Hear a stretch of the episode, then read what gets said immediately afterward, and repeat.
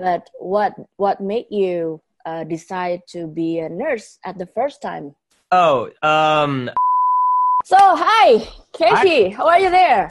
I'm good. How are you? I'm super good here. Is it midnight there? It's Where are you? uh, it's 10 o'clock p.m. right now in Houston. Oh, okay. First of all, congrats for always. So, Oh, so thank you. how long did you craft it? It was it was one day. It was it was really fast. So there's two ways that I write songs. Uh, one way is that I like make the beat first, like in my software, and then I'll write afterwards. And that tends to be um, a little bit of a struggle sometimes, but that's it's kind of it's it's fast though. The other way is kind of the more like organic way where you sit at an instrument and you literally just write it from top to bottom. Maybe like a few hours, like maybe like four or five hours. And then like a few days later, I wanted to record it, right? Because I had the idea, it was written. It it actually sounds a little bit different than the, your previous songs. Like Oh, yeah.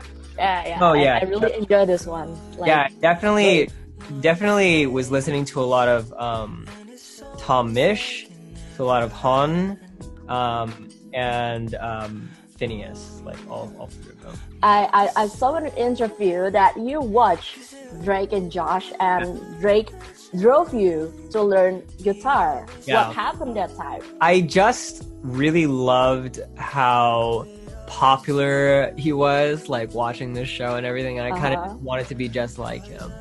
So I remember that he played a red, I don't know what brand it was, um, because I'm not sure if the brands were like even on the show or not, but it was a red Stratocaster. Taking talking about um, shifting gears, I think it's it's always be a tough decision. Like in your case, from nurse and then to be a musician. Yeah. But what what made you uh, decide to be a nurse at the first time? Oh, um, I had no idea what I wanted to do with my life. I, I always wanted to do music. I wanted to go to music school and everything, but my parents, of course, were against the idea.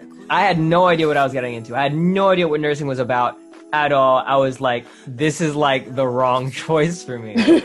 but um, for the next two years, I'm not gonna fight it. I was just gonna be like, okay, whatever. But what happened when you decide to okay, I'm gonna full time to be a musician? How your parents or your people Oh, around you react? we definitely had um, some conversations because um, before before I decided to go full time, I had just met my manager, and he wasn't even my manager at that point. He kind of just reached out and was like, "I want to help you build like whatever I can do. I want to be there," you know. And um, after a couple months of just kind of talking, he was like, "Hey, like, how would you feel about having me as your manager?"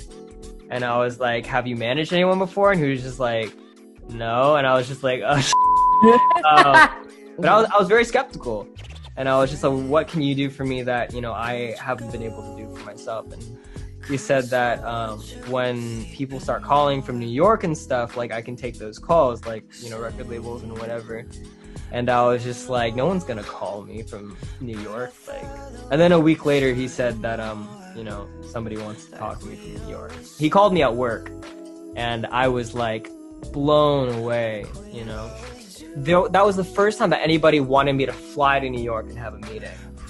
So of course I had to tell my parents because I lived with them. So after that flight, I came back and I started talking to them about going like part time. There was no guarantee that anything was gonna work out. I just had to take the leap of faith. And I told my parents, I was like, I, I'm gonna quit this week. And they were like, okay. Like, I mean, we didn't think it was gonna happen this soon, but like, yeah, like, just go do it. Okay, so now let's move to the quick questions. The most beautiful song you ever heard? honestly probably one of the most beautiful songs I've ever heard. It's called Stop This Train by John Mayer. And it's actually the song that inspired me to be a songwriter. It's like my my favorite song. Okay, one song to describe how's you're feeling today. I was listening to um Nice for What by Drake today. So, yeah. Next, the scariest animal on earth. I would say uh sharks. Ooh. Sharks are pretty terrifying. The most romantic movie. 500 Days of Summer. It's not exactly romantic, but I really love that movie. The most lovable pet. Definitely dogs. Like it has to be dogs. Okay, pick one, just one. If you co- if you can only live with one, you will pick guitar or piano. Oh, guitar. That's an easy one. Guitar. Okay, three words to describe Keshi. romantic, bittersweet, melodic. A food that you crave today? Korean barbecue. Okay. The best news you heard this week? The best news I heard this week is that the hurricane is not hitting. the last one, something or someone that you miss the most. I miss my dogs a lot, but um, my my so my mom is actually very sick right now. She she she actually caught COVID, but she's just at home, so she's she's she's she's fine. She's not like in the hospital or anything. She's she's getting better. When I I was actually sick really recently too. A week ago, I was sick for like ten days. So I. Happened to you? Oh well, I thought I thought I had COVID too, but I didn't. Um, I, I got tested and everything, but like I just had like crazy fevers for like ten days. So hopefully your mom is doing well and getting better. Thank you so much, Keshi, for your time. No, of course. Thank you so much for having me. It was fun. It's really nice.